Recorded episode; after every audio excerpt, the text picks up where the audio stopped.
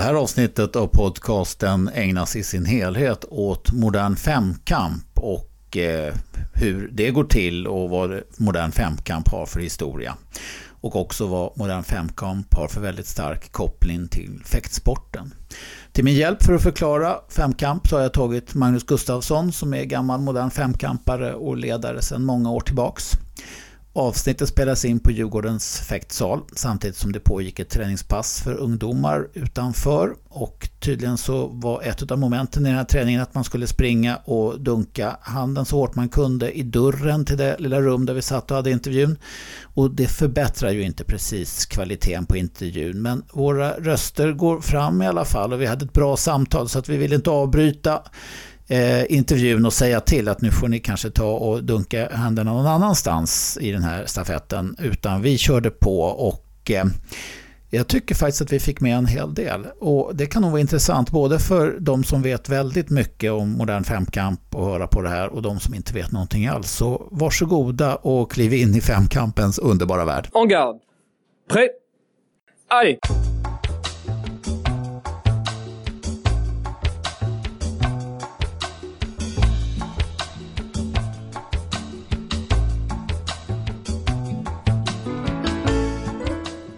Då är det dags för Bakom masken på special om modern femkamp. Vad, vad är det för någonting egentligen? Och för att hjälpa mig med att reda ut modern femkampen så har jag bjudit in Magnus Gustafsson. Välkommen! Tack så mycket! Nu ska det inte handla om dig här utan nu ska det handla om modern femkamp. Eh, vi ska prata både om moderna femkampens historia, om dess stora förbrödring och påverkan på svensk fäktning, vad det har inneburit, att så många moderna femkampare har kommit och blivit duktiga fäktare. Eh, och eh, lite grann vad de här två sporterna har varit, haft med varandra att göra. Och framförallt hur den bildades och varför det blev under 1900-talet en sån stor svensk paradgren. Men jag tänkte börja med att låta Magnus presentera sig lite grann, också känd som Gusse. Och vi börjar väl där, hur kom du in på den moderna femkampen? Jag eh, gjorde väl som sig bör, eller framförallt borde. Eh, på den tiden så var det väldigt vanligt, eh, slutet 70-talet, att man kom från simningen. Eh, det var, gick från liksom mun till mun. Fanns det femkampare i, i simklubbar så hände det att de simmare som väl var lite sämre och kanske lite mer öppna för att testa andra idrotter. Eh, liksom vart vidtalade mm. och sådär. Och sen var det faktiskt min mor och en kille som heter Ola Ritzéns mor, oberoende av varandra, skickade in oss och vi möttes utanför fäktsalen här i Hjorthagen eh, på en prova på-dag och hade ju simmat i samma eh, simgrupp, simklubb mm. i Täby sim. Och egentligen då, innan vi ens hade provat på modern femkamp, fattade han och jag att det här ska vi fortsätta med i och med att vi två var på plats. Och sen var det bara så att det fanns ett gäng fäktare som tog emot oss väldigt trivsamt. Ett gäng något äldre femkampare, alltså flera år äldre, ja. bröderna Rylander som, som såg till att vi, alltså vart som en, en sorts familj. Ja, det var Ganska... ett stort gäng som kom och började ja. där då. Ja. Du är född 65, jag, 65, jag är född 65 och jag bör, vi började då hösten 79. Och Bela var ju den stora, kan man säga, mm. eh, motorn. Och sen så var det ju Bengt Lager och Hans Nilsson som skötte träning, rekrytering, utveckling. Och, och något som var riktigt roligt bara ett halvår efter var ju att Bengt Lager efter att ha erövrat medalj som förbundskapten i Moskva landar i princip i Stockholm och samma vecka åker med oss nybörjare på danska mästerskapen i en mm. Volvo Amazon. Ja. Eh, sådär, packar Berter på taket och så åker vi. Och, och sen dess är jag fast i sporten. Ja. Och sporterna, för det blev ju också så. Alltså du, fäktningen. Som sagt, du har nästan blivit mer utav en hästkar va? än en, en modern femkampare och simmare. Det har blivit mycket hästar för dig och galopp. Ja, det blev det. Alltså, det var väl någon annan idrottsledare där som, som kläckte att femkampen är ju jättebra eh, som sport därför att då får man ju väldigt många olika sporter och, som man kan hålla på med. Mm. Och när man var 15 förstod man ju inte den där kommentaren och så, så här efteråt. Alltså du och jag har suttit i Djurgårdens eh, styrelse sedan ja. uh, urminnes tider. Eh, och hästarna har, kom ju in i och med att jag behövde lära mig att rida och, och fann det som ganska kul. Även om jag var en rätt medioker ryttare som femkampare mm. så, Så efteråt sen så utvecklade jag ett, ett gediget intresse och numera ja, dömer jag eh, då galoppsport, ja. alltså galopptävlingar. Ja, så du, du har mycket, varit mycket involverad i, i flytten utav Täby galopp också till eh, vad man nu håller till idag. Ja, på Bro Park heter det. Ja. Eh, tack för att galoppen får lite utrymme för det. Men alltså, ja, det har jag varit. Och sen, sen är det ju så med, som all föreningsverksamhet. Där, där finns det också föreningar och sällskap, så där har jag varit engagerad. Och, ja, eh. Men med femkampen, du, du femkampade för K1, fäktade för Djurgården. Ja. Hade, var hyfsat bra junior. Ja, lyckades vinna. Det var väl liksom så här, som Bela uttryckte det när han tyckte att jag var en ganska bra ledare. Att bra ledare har som regel bara varit mediokra idrottsmän. Eh, och då hade han precis kläckt ur så att jag var en ganska... Ja, precis. Då hade han precis kläckt ur så att jag var en ganska bra ledare. Eh, så jag förstod det ju som att Bela tyckte att jag var medioker som ja. femkampare. Och det, det var jag nog. Alltså jag lyckades vinna ett junior-SM.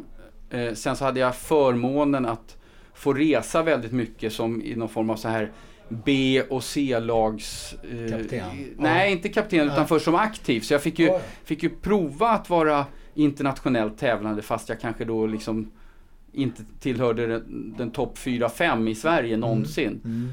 Och sen vart jag eh, återigen alltså på Belas direktiv.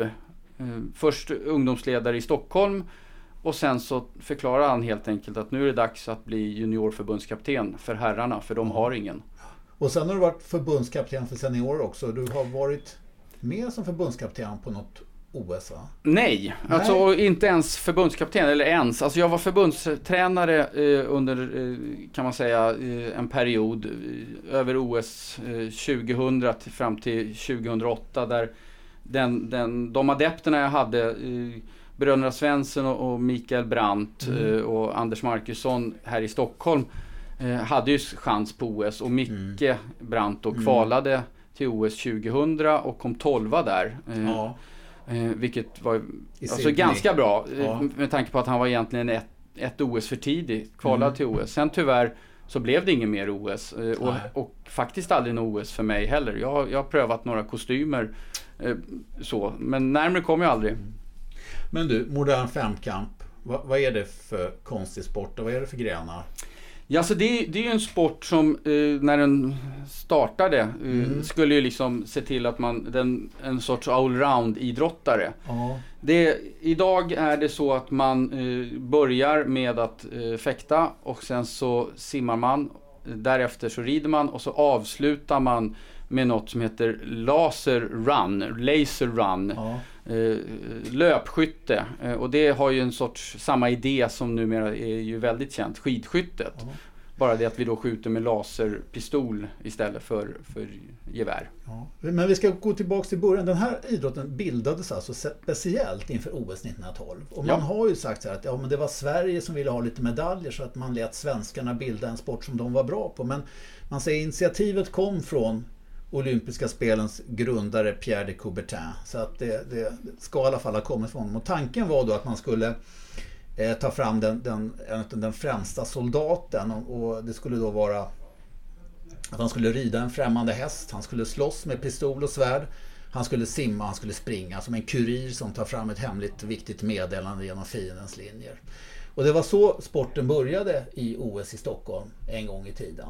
Ja. ja och då då använde man sig utav lägsta platssiffra för att kora segraren. Så att man alla tävlade i de här grenarna mot varandra och sen såg man vem hade den lägsta platssiffran.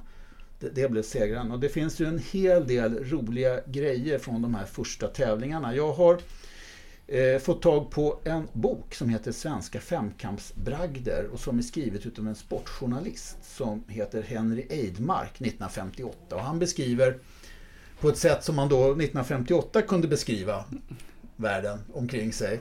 Eh, väldigt mycket om, om de här första turneringarna.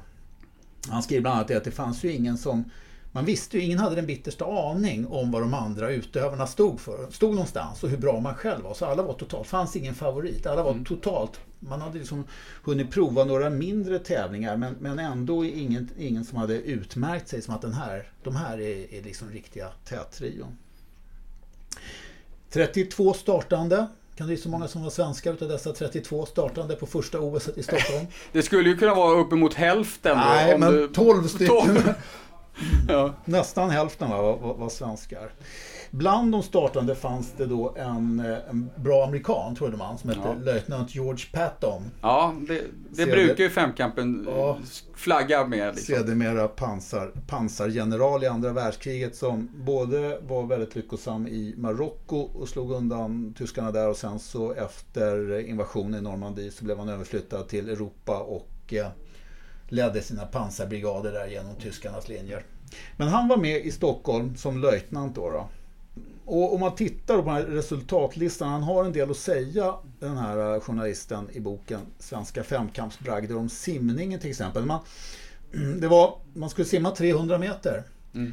Och man gjorde det här då i, i sjövatten på Djurgårdsbrunnsviken på den simstadio som man hade byggt upp för de olympiska spelen där. Inte någon, någon inomhusbassäng eller liknande. Och det var ju lite grann i femkampens tanke att alla grenar skulle äga rum utomhus. Därför fäktade man också utomhus. Medan, medan fäktningen i tävlingen, i OS-tävlingen i OS 1912, den gick inomhus i tennisstadion nere i Västermalms idrottsplats. Men femkampen gick utomhus och det var inte för att man inte hade plats någonstans utan det var helt enkelt för att reglerna sa att det skulle äga rum utomhus. Sen så gick också simtävlingarna ägde rum på Djurgårdsbrunnsviken där man hade byggt upp en simstadion i sjövattnet alltså. Och där simmade man också eh, den moderna femkampens 300 meter. Segrare där blev en engelsman som hette Klilverd och tvåa blev Bernhard, Österrike. Och det står att eh, de här var de enda två som hade tillskansat sig trudgen-stilen. Vet du vad trudgen-stilen är i simning? Nej, det är för mig okänt. då- Och då har jag ändå någon sorts simledarutbildning. Du har aldrig hört talas om trudgen-stilen? Nej. Nej. Jag har förhört mig med en gammal simmare. Det är alltså en stil man simmar indiansim. Det är crawltag med armarna, med näsan över vattenytan hela tiden. Och sen så gör man en stor saxspark med benen på vartannat. Alltså inte som i crawl idag, att man jämt pendlar med, med benrörelserna under hela tiden man crawlar. Utan man gör liksom arm, arm, saxspark, arm, arm, saxspark. Det är trudgen-stilen. Används bland annat inom vattenpolo kan man ha det här. För då, Okej. när man, om man har bollen i ena handen så simmar man liksom på, på någon sorts halv tempo. Ja. Mm. Det var bara två herrar som kunde det här. Alltså, namnet kommer från en engelsman som hette William Trudgen. Som hade lärt sig det här av infödingar i Sydamerika där han hade varit som ung. Han introducerade det här i Europa på 1870-talet. Och det, jag vet inte hur länge man höll på med Trudgen-stilen. Men det var i alla fall bara två som kunde det. Och de simmade sina 300 meter då på runt fem minuter. Mm. Sen så måste jag nästan läsa innan till här från, från den här boken. För att jumbo i särklass blev dansken Leybourne med tiden 12.09. Nära drunkningsdöden var också britten Durant med tiden 10.07. Så de var alltså över 10 minuter på sig för att simma sina 300 meter. Och då kan man tänka att de hade ju inte tränat jättemycket för, för moderna femkampen. Ja, alltså den som vann den här tävlingen det var till slut en svensk som hette Gösta Liljehök. Och han hade då platssiffra 27 efter serien trea i skytte, tia i simning, femma i fäktning, femma i ridningen tror jag och fyra i terränglöpningen. Mm. Platssiffra 27 och de andra två platserna, eller medaljplatserna, belades också utav svenskar. Så att eh, redan där inledde då Sverige sin, sitt segertåg över världen i den moderna femkampen.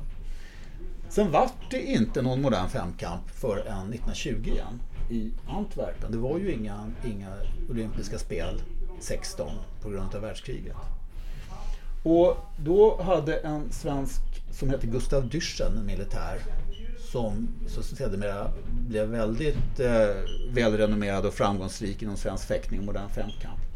Han hade ryckt fram då så att han tog guldmedaljen i Antwerpen med platssiffran 18 efter serien 6 2 2 6 2 Ska nämnas om Dyrssen att han också blev han tog tre stycken SM-guld på värja och fäktade åtskilliga landskamper.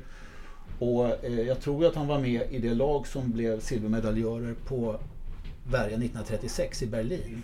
Oj, då höll han på ett tag. Ja, han höll på ett tag. Sitt sista SM tog han faktiskt 1952 när han var 61 år gammal.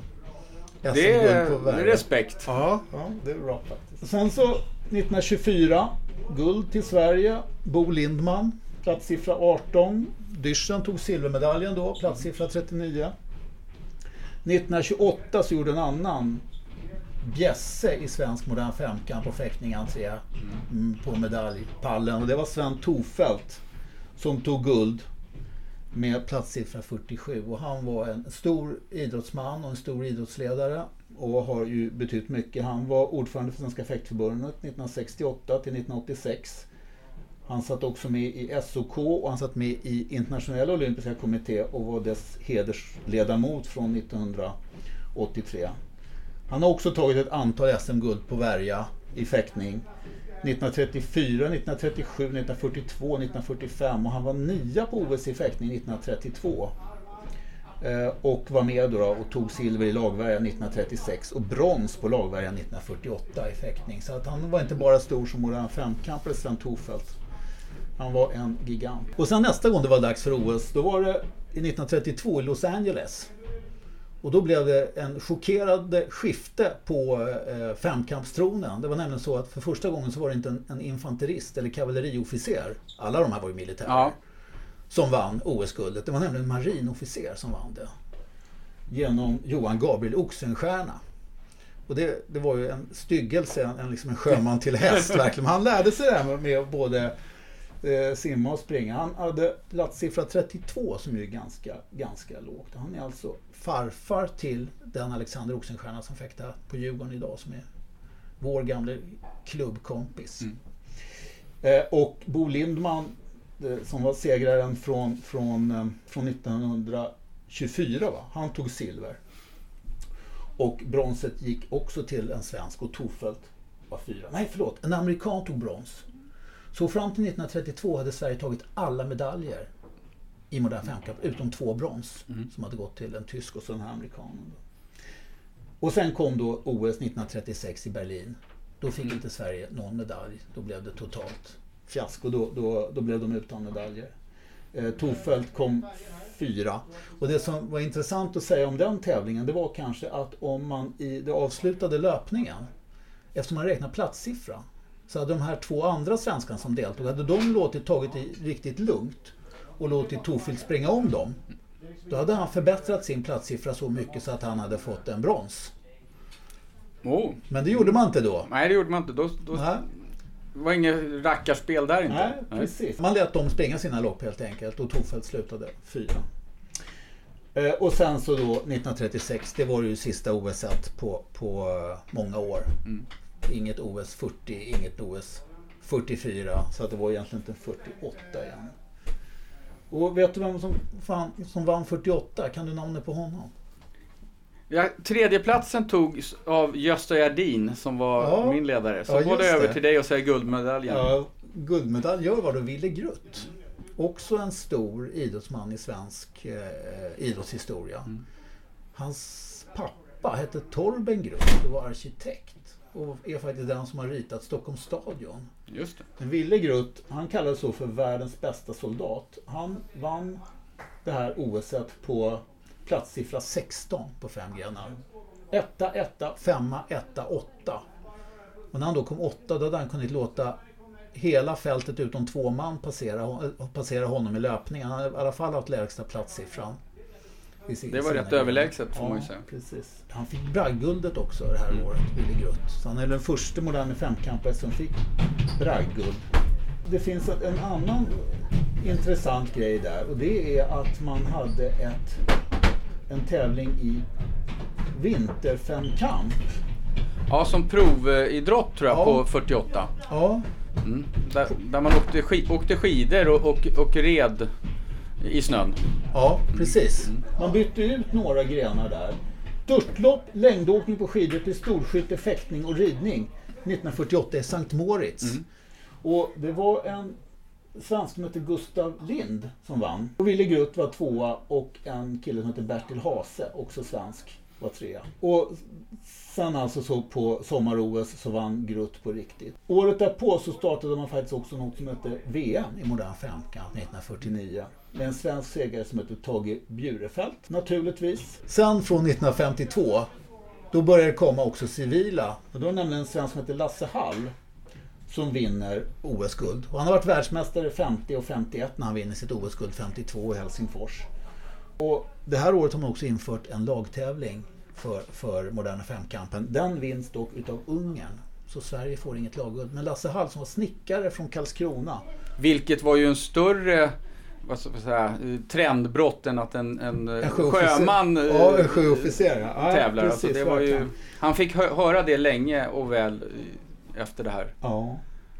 Och Lasse Hall vinner också ett guld i, i Melbourne 1956. Och han får då bragdguldet 1956 också. Och Sovjet tar lagguldet i den tävlingen. Däremot så har man ändrat poängberäkningssystemet då mm. till 1956. Och 1954 på VM så inför man nämligen ett annat. Man räknar inte platssiffran längre. Utan då har Sven Tofelt varit med och varit en drivande bakom utvecklingen av ett annat poängsystem. Ja, har du koll på liksom hur det egentligen alltså, det, det, är ju det, det är ju det poängsystem som, som jag tävlade med och som, som fanns när jag började femkampa i slutet på 70-talet och då hade funnits utan några korrigeringar i stort sett eh, och som fanns fram till eh, en bit in på 90-talet till och med. Eh, och där, där fanns det en sorts idé, har, har jag fått mig berättat, att ett, ett bra resultat skulle ge 1000 poäng. Ja. Och ett bra resultat i fäktning, det, det, var procentsats av hur många som då var med på tävlingen och man fäktar ju bara en stöt mot varje aktiv. Men man möter alla aktiva, så då gjorde man bedömningen att ett bra fäktresultat skulle vara att man hade vunnit 70% av eh, de matcher man har tävlat. Eh, och sen så gjorde man, hade man samma tanke med simning, löpning och skyttet. Eh, och sen då ridningen som är en sorts bedömning åt andra hållet. Där var det så att en felfri ritt skulle då vara bedömas vara extra bra. Så där fick man 1100 poäng för en felfri ritt och det var ju maxpoäng ja. då. Och sen så, ja och det fanns väl länge så att en, en, en godkänd ritt, då hade man ridit över 1000 poäng ja. eh, i femkampen. Så att, så att en, en bra femkampare inledningsvis här, nu, nu har ju du eh, papperna så här, men alltså Lars Hall och de här, alltså, jag tror inte de kom upp i så mycket mer än 4700 poäng eller något sånt. Eh, och sen så eh, eh tror jag att eh, Svante Rasmusson någonstans tar en OS-medalj på 5300 eller om det var 5400. Ja. Och sen på slutet, i och med att vi blir bättre på att simma och, och vi tränar ju annorlunda. Eh, Eh, löpning och så. Så, så de, de bästa sen eh, när det här systemet är på väg att skrotas ut, de vinner ju OS på uppemot 5550-5600 poäng. Talar man någonsin om världsrekord på den här tiden i poäng? Fanns det något sånt inofficiellt? Att man liksom snackade om vilka som gjorde Nej, det bästa? det gjorde man ju inte därför att det, det, är ju två saker som gör att det där är lite svårt. Det ena är ju att, att det är olika hästar varje gång. Ja. Och det andra är att ju bättre tävling det är, ju bättre aktiva är det ju där och ju svårare blir det ju då att få hög fäktpoäng. Ja. Eh, sen naturligtvis så finns det väl några av oss som eh, tycker att man har något sånt här svenskt rekord i femkampssammanhang med, med en väldigt hög poäng från någon liten tävling då där man har tagit väldigt mycket effektpoäng och sen haft eh, en bra häst och varit en bra ryttare och sen gjort bra de andra grenarna. Mm. Så att det, det har aldrig varit något snack så, men man har ju för varje generation har man ju vetat vad en, en världspoäng är för någonting. Ja. Jag kommer ihåg när, när jag växte upp, det talades väldigt mycket på den tiden om, om att var, man kunde tjäna väldigt många poäng som bra simmare. Att det fanns ja. väldigt mycket att hitta i fäktningen. Eller förlåt, i simningen just. Ja. Där kunde och det var ju också bra simmare som kom och också fick genomslag. Va? Ja, alltså den, den bästa simmaren vi har haft eh, någonsin i, i Sverige eh, på här sidan är ju Svante Rasmusson som ja. alltså hade simmat OS-semifinal på 100 frisim. Ja. Eh, sen hade vi Anna Ahlgren, sedermera Anne Sundell som kom och hade varit SM-simmare eh, på damsidan. Mm. Så att mm. de var ju så. Och där, det var väl egentligen så att många av oss som simmade var lite dåliga simmare från början. Så att därför när de, när de som var riktigt bra simmare kom så, så tjänade de mycket poäng. Sen var simtariffen var väl så att simmade man fort, då, då blev, det blev mycket poäng. Ja. Men du, alltså, vad, vad simmar de här bästa simmarna på på den tiden? Är det... Då är det fortfarande 300 meter. Ja. Eh, och eh, Svante sådär, jag tror han gjorde som bäst 3.09 eller om det var 3.07. Mm. Eh, och jag tror att han hade på OS ett, eh, vid något av OS har jag för mig att han hade 3.12. Mm. Eh, och så var det någon mexikan som var liksom så här, eh, tumme snabbare. Mm. Eh, Cisnega hette han. eh, Sådär. Men, men Svante var ju outstanding i, i simningen under nästan hela sin karriär. ja. Hur många poäng fick han då? Sänkte man de här, de här tusen poängen? Nej, man sänkte aldrig poängen. Så att därför så blev det ju sådär att man simmade ju uppemot 1300 poäng på slutet. Ja. Sen på 90-talet så gjorde man en, en, en revidering av sporten. Och det var i och med att också att damerna hade kommit in, de kom ju in i slutet på, på 70-talet Ja, eh, som, som, som idrottsgren. Och fick ju genomgå alla möjliga konstiga eh, idéer från, från förbundet. Eh, De, dels från, inledningsvis så, så skulle de ju ha kortare distanser. Så de sprang 2000 meter och simmade 200 meter. Under en period på, på 80-talet fick de inte fäkta ortopediskt handtag för det var någon form av, Mm. ansågs... Det hade, damvärjan hade ju inte fått det. Och nästan så lite grann den moderna femkampen för damer gick i bräschen för att introducera värja för damer. Ja. Det kom innan värja för damer var helt och hållet accepterat. Ja, ja, nej men alltså eh, damfemkamparna hade ju på många fäktklubbar hade ju ingen att träna med. Nej. Utan de, de, de, de, de skolades emellanåt i florett och sen så tävlar de i värja. Ja. Eh, Men bland annat under en period, jag tror det var ett par år, så fick de inte fäkta ortoped. Nej. Eh, Utan de skulle fäkta kavel. eh, Vilket, ja, det, och under någon sån här konstig förevändning att det var för farligt för damer att fäkta ortoped. Ja. Så, men det, det är inte alltid folk i förbund och sådär är, är helt inne med verkligheten. Men sen så någon gång så ändrade man också Alltså turordningen har ju varierat lite grann mellan åren. Men den turordning som var under din aktiva tid, under de här senare, när när Svante till exempel tog sin, sin silvermedalj, om vi kommer fram lite grann längre fram på, på OS-sagan här. Så då hade man ju, låg ju ridningen först, Ja, som var den mest chansartade grenen. ja. Eftersom man lottade hästarna. Man lottar hästar och det gör man ju fortfarande. Alltså, Hästen ska dagen innan senast ha gått hela banan eh, utan problem med en ryttare, sin skötare eller sin ägare.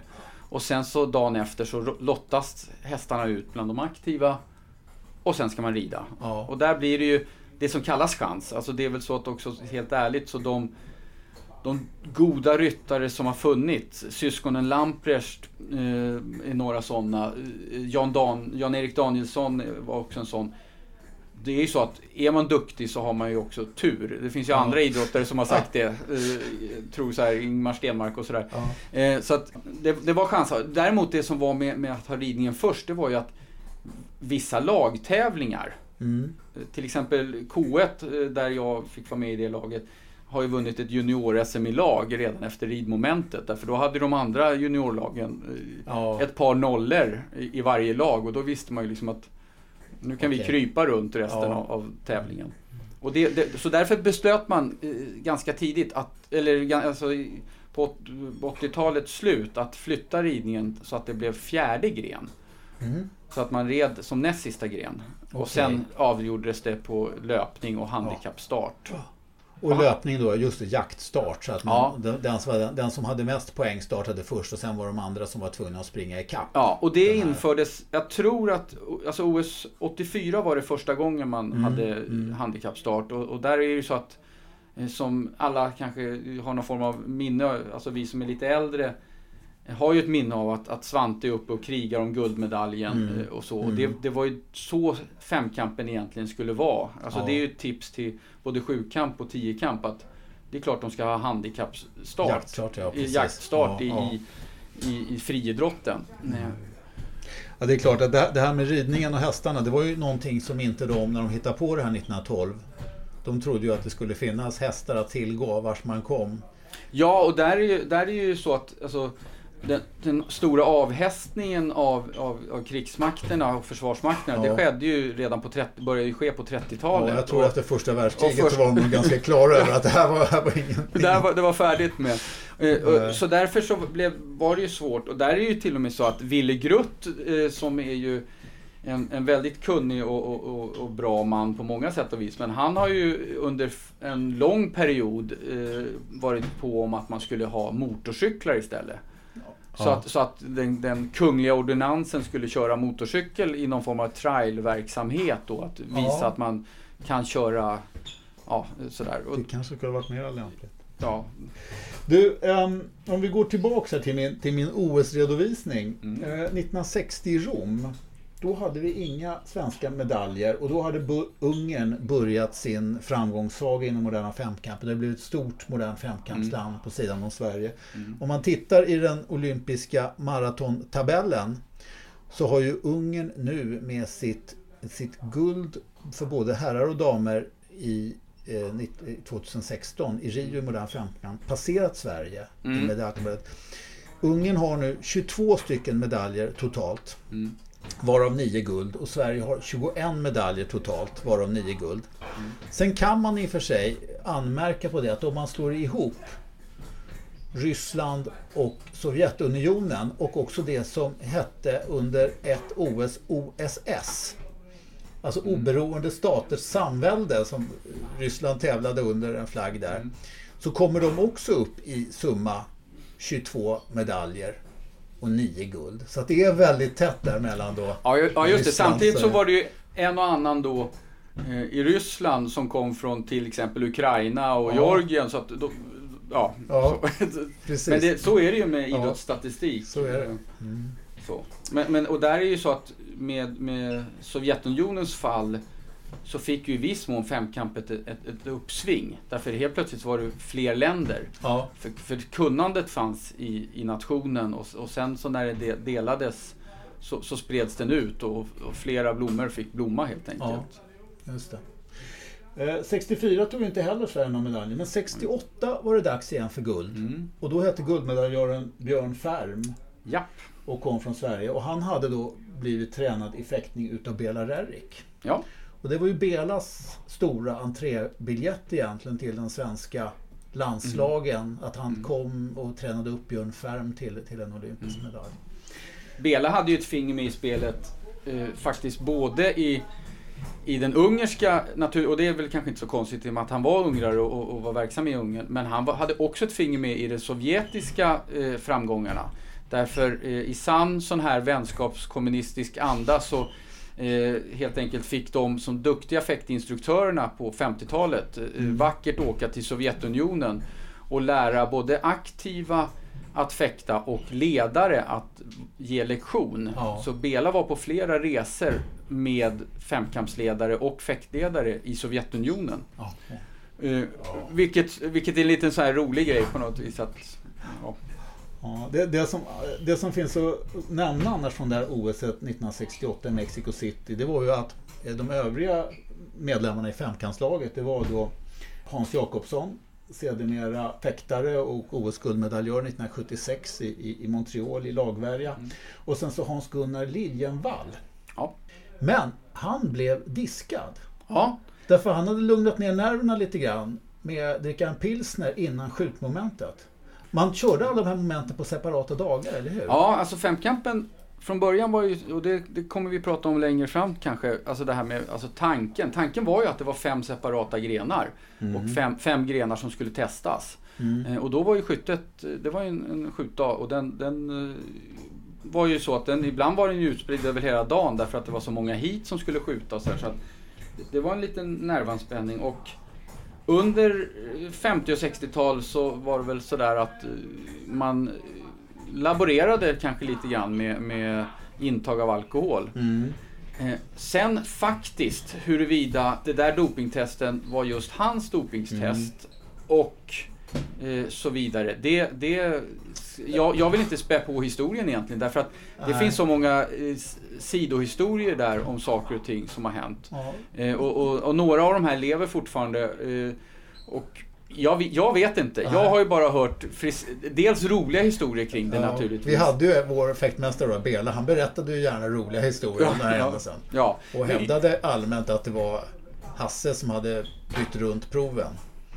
Ja, och, ja. Och, men, och Bela berättade ju också att alltså först det internationella femkampsförbundet förstod ju att man var, var tvungna till att börja ta alkotester när någon, någon från något annat land, det är lätt att säga naturligtvis, var så pass eh, välmedicinerad så att personen ställde sig åt fel håll i sky skyttebåset och började fippla med pistolen mot publikplats. Och här var alltså fripistol, så det var skarpladdade vapen med alltså kulor inte, och ammunition? Kulor ja, och krut? alltså snabbpistol heter det. Ja. Så då, då, det var kulor och krut, 22, eh, kaliber 22. Så att, eh, det, och det ni var fick skarpt, resa alltså. också under strikta restriktioner med de här vapnen för att kunna ta er igenom.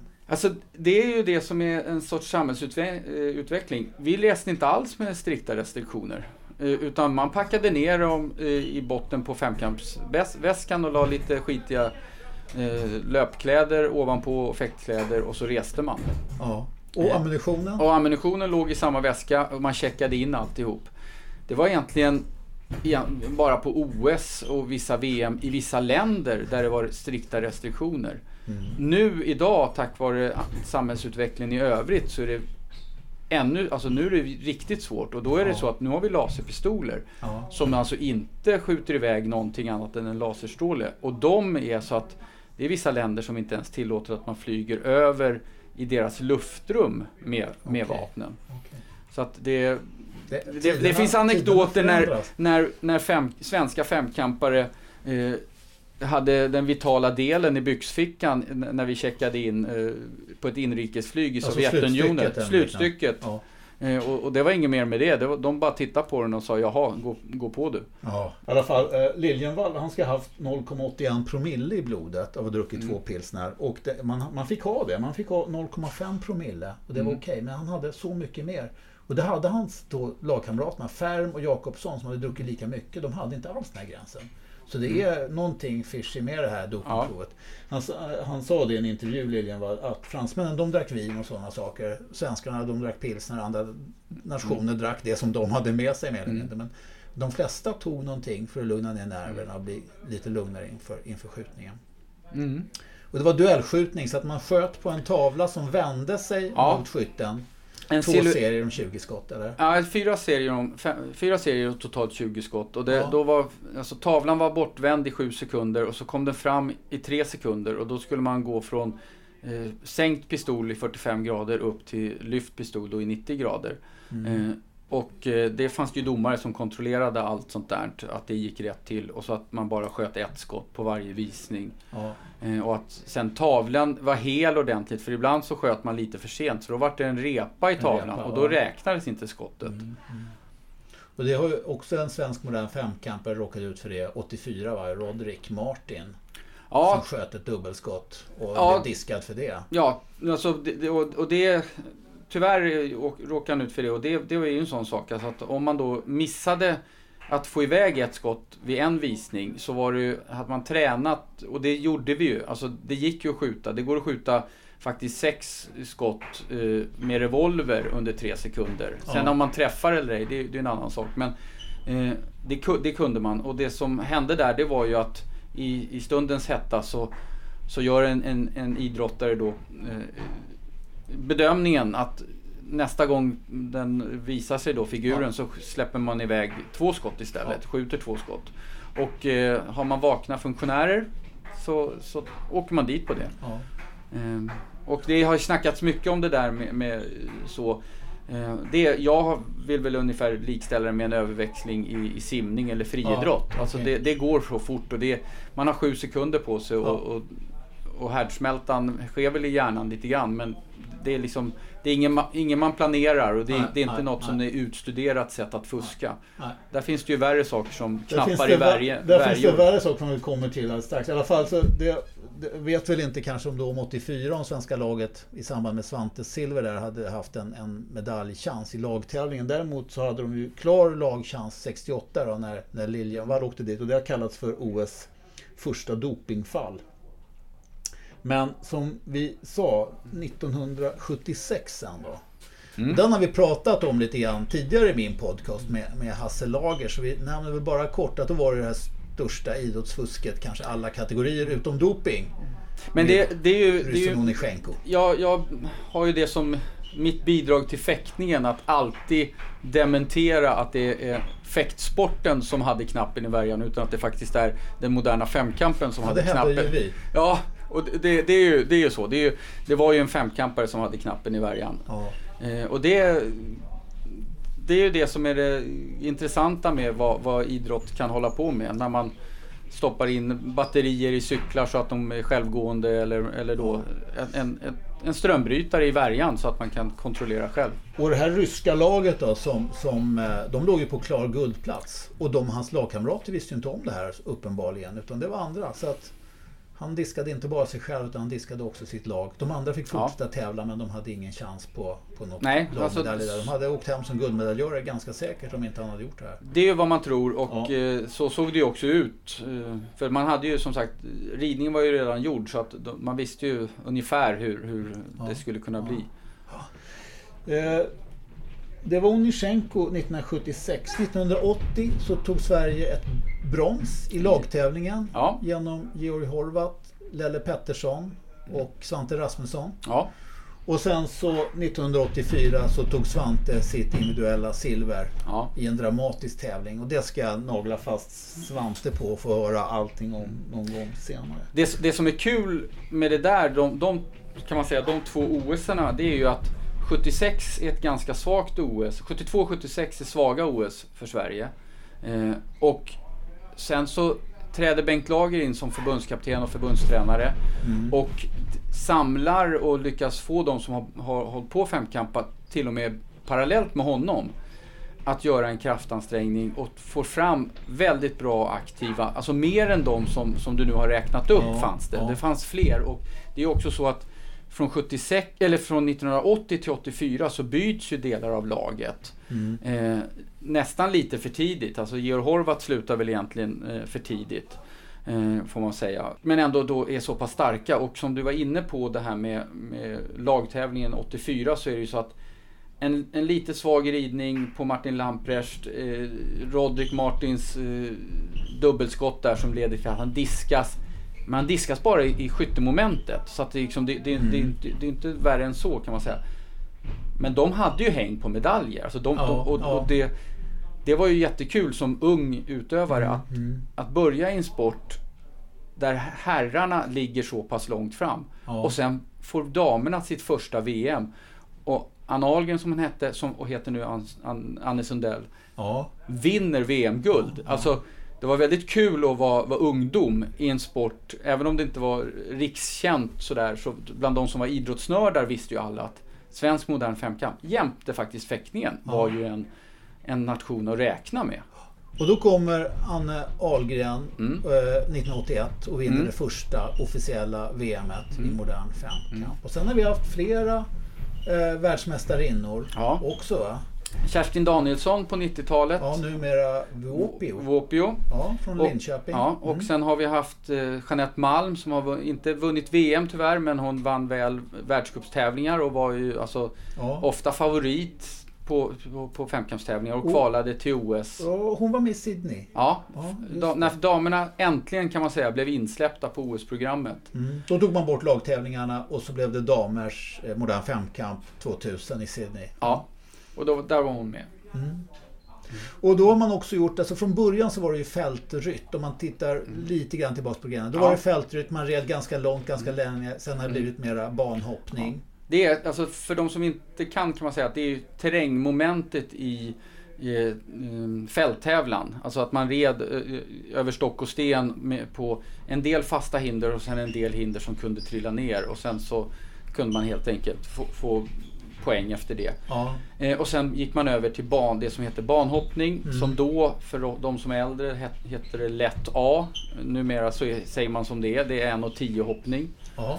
Eh, och man, man hoppar 12 språng eh, inne på en bana med en, en trekombination och en tvåkombination. Så att, Hur avancerad skulle du säga att den hoppningen är idag om man tittar i... Om man jämför med, med, med det man ser på TV ibland när det är hoppning från, från såna här hopptävlingar med riktiga, riktiga ryttare. alltså, den, är- den är ju mycket enklare. Eh, samtidigt så, så är det så att i och med att man rider på andras hästar så är det så att andra ryttare skulle också ha, ha, det skulle vara utslagsgivande att se eh, väldigt bra ryttare rida under samma förutsättningar. För man, man ser, det blir faktiskt ett utslag på det hela. Ja. Eh, sen är ju ridning så att eh, det behöver inte vara speciellt högt eller speciella tvära svängar så, så kan det bli utslagsgivande. Så att, Mm. eh, Jag tror att, eh, alltså, och, och där är det ju så, vi vet ju, alltså Regina Lamprecht har ju de facto SM-medalj som junior i fälttävlan och har ju liksom nosat på landslaget eh, under, under 80-tal och början på 90-talet. Så att de bästa femkampsryttarna har ju inte ridit mycket sämre än, än, än hyfsade ryttare. Ja, just det, från familjen Lamprecht då, anförd utav storebror Martin. Ja, Ja, alltså, anför, ja, då ska, man, ska det vara någon som anförde så var det nog snarare pappa eh, Alvar och mamma Heidi som Mm. anförde. Sen, sen hade de fyra bra barn som, som körde. Som alla blev moderna femkampare i någon Ja. omfattning i alla fall. Ja. Du, ehm, eh, och sen så man simmar fortfarande 300 meter. Nej. Eh, På 90-talet så, så valde man två, eller tre stora regeländringar eh, efter 92. Då gick man ner till 200 meter simning. Mm. Man gick från 4000 meter löpning till 3000 meter löpning. Mm. Eh, och eh, sen så ändrar man skarpskytte till luftpistolsskytte, precisionsskytte. Mm. Och då gjorde man, kalibrerade man också så att damerna fick samma sträckor och samma Mm. förhållanden. Så att då från, från mitten på 90-talet kan man säga, då tävlar herrar och damer på, på samma distanser och, och man kan förstå idrotten på liknande sätt. Och sen kortar man ner hela förfarandet också.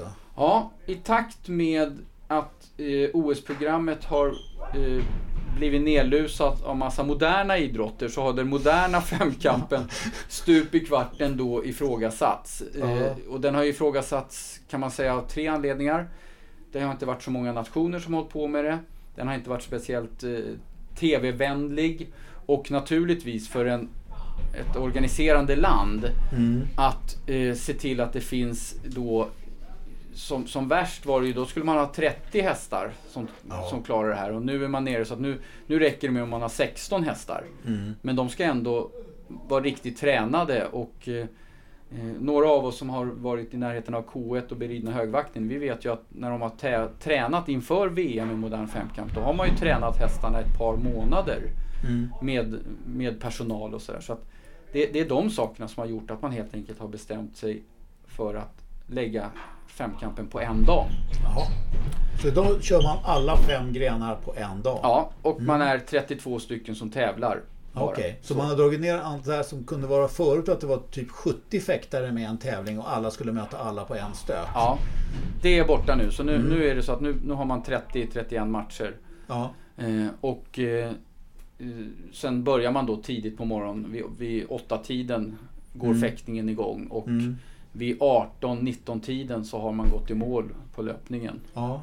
Hur, hur ser dagen ut då? då? Fäktning? Alltså då, då är det fäktning först och sen så när, när man har fäktat så går man eh, vidare till simhallen och så simmar man sina 200 meter. Och sen så Mm. Men det är inte så att man simmar eller man fäktar i simbrallorna? Nej, Nej. nej, det är fortfarande eh, åtminstone så, så att mellan, mellan vissa grenar då så hinner man byta om. Så att man, Det kanske alltså, vore så att man bara man, man fäktar i badbyxorna och så Ja. tar man bara av sig masken. Så det, det, har ju, det har ju testats i propaga, på pro- propagandatävlingar några gånger att göra, ha sådana tävlingar.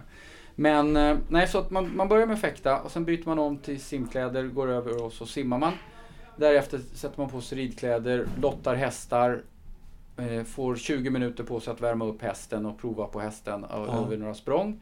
Och sen går man in och rider sina eh, 12 hinder. Eh, och därefter så börjar man att värma upp för då det här laser run, löpskyttet. Ja, ja. Och hur går det till? Det går till så att man, man, det- man springer... Är det jaktstart då? Eller Ja, det är jaktstart. Så det är ju, det är ju en poäng som, som man har här där man, där man liksom eh, räknar baklänges då. Så översätter man det till, till lö, löpsekunder och sen så startar den som leder tävlingen efter numera då tre grenar startar först.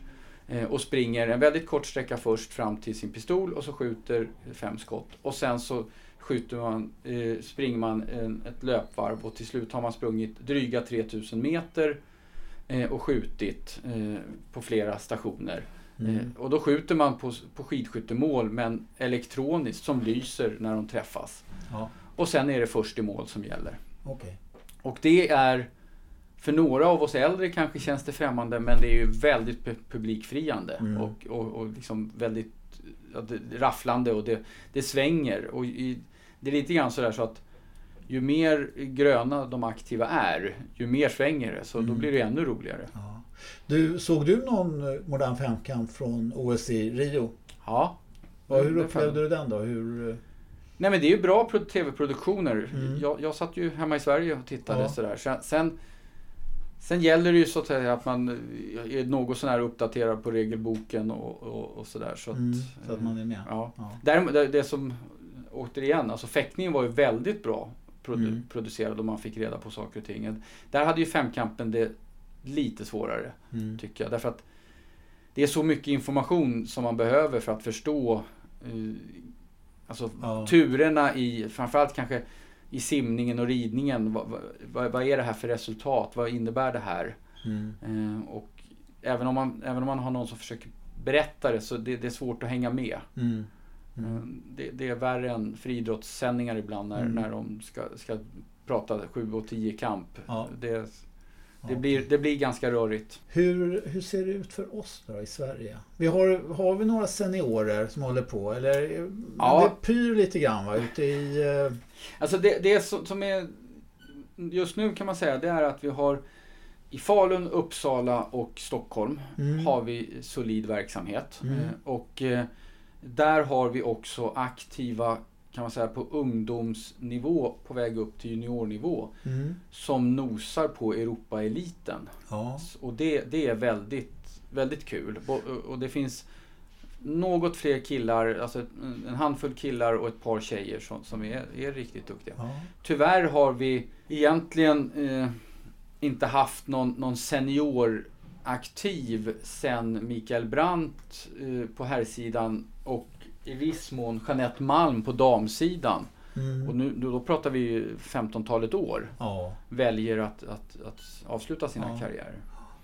Men du, ehm, är det flera klubbar i Stockholm? Är det, är det K1? Är det de här gamla regementesklubbarna fortfarande? Nej, regementesklubbarna, det finns faktiskt bara en regementesklubb kvar och det, är- det, det är ju på något vis, vi trotsar ett försvarsbeslut eh, sedan ett 20-tal år tillbaks genom att ha kvar K1 Mm. SOIF, modern femkampssektion. Eh, så det, vi, vi är den enda med, Ja. kan man säga då, gammelmilitär anknytning. För det finns ju inget som heter K1 längre Nej, heller. Nej. Eh, Men vi håller ju till eh, eh, på K1 vad det gäller, eller då, ja, eh, beridna högvakten och, och på Lidingövägen. Där håller vi till eh, och rider och Ja. sen så är vi ju eh, mycket i fäktsalen här, alltså Djurgårdens fäktsal. Ja. Eh, Och sen har vi samarbete med Neptuns simklubb som är en, en gammal vän Ja. till Moderna Femkampen. Okej. Tillsammans med Täby sim och Stockholmspolisen och Saltsjöbaden har varit viktiga simklubbar. okej. Och Saltsjöbaden har också lite fäktning där ute. Har de någon femkamp Ja, också? ty- tyvärr inte just nu. Alltså det, det, det finns ju alla möjligheter att starta upp. Men, men just nu så ligger både Saltsjöbaden och Farsta modern femkamp som fanns. Ja, just Och, och det var faktiskt inte bara syskonen Lamprecht som var aktiva där. Utan de, de har ju, hade rätt mycket aktiva ett tag. Okej.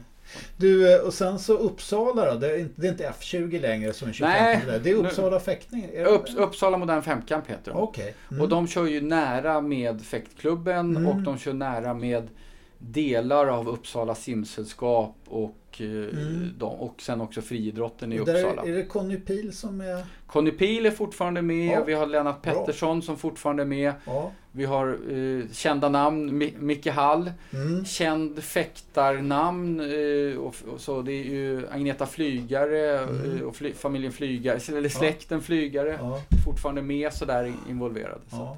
Ja, det är bra. Vi behöver de Ja. femkamperna om vi ska få ihop några fäktare höll jag på att säga.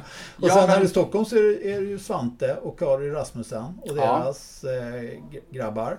Ja, och sen så en, en annan före detta femkampare eh, som många minns, Per Ahlström. Ja, En väldigt duktig femkampare tidigt 90-tal på juniorsidan men Mm. som sen inte ja, satsade vidare. nej.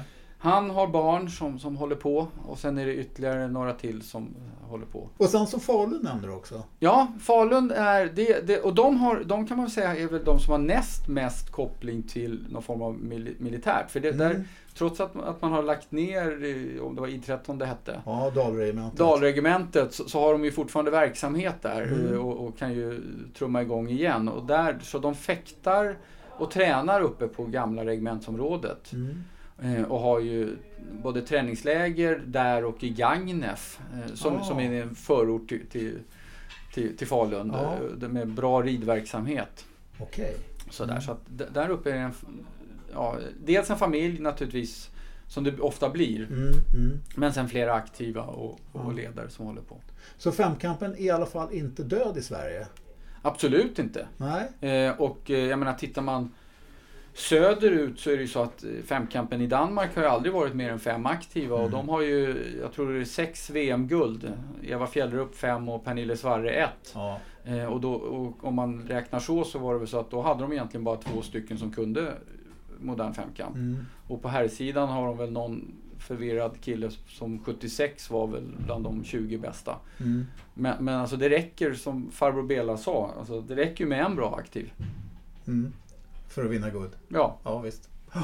Du Magnus, eh, vad spännande att få höra lite mer om femkamp. Vi, vi får väl eh, försöka, alltså sitta och hålla tummarna är ju ingen idé, men vi får väl försöka jobba för att sprida lite grann mera femkampsevangeliet och hoppas att vi, att vi i alla fall genom att sammanfatta lite grann om femkampen här också ja alltså, hjälper till att hålla ja, flamman lite grann. Ja, och där är det ju så, både i fäktningen och femkampen så, så Dels naturligtvis så finns det ju möjlighet för, för redan invigda att ta hit sina barn och vänner. Och sen så tar vi ju alltid emot Ja. nya.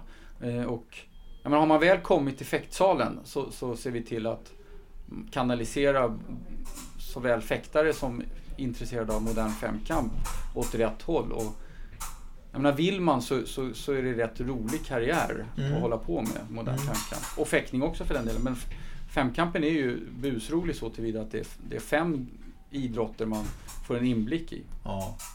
Men eh, vi jag kommer ihåg, vi tittade med, med medlidande på de här stackars femkamperna som när de var färdiga med passet här skulle liksom jäkta vidare till nästa.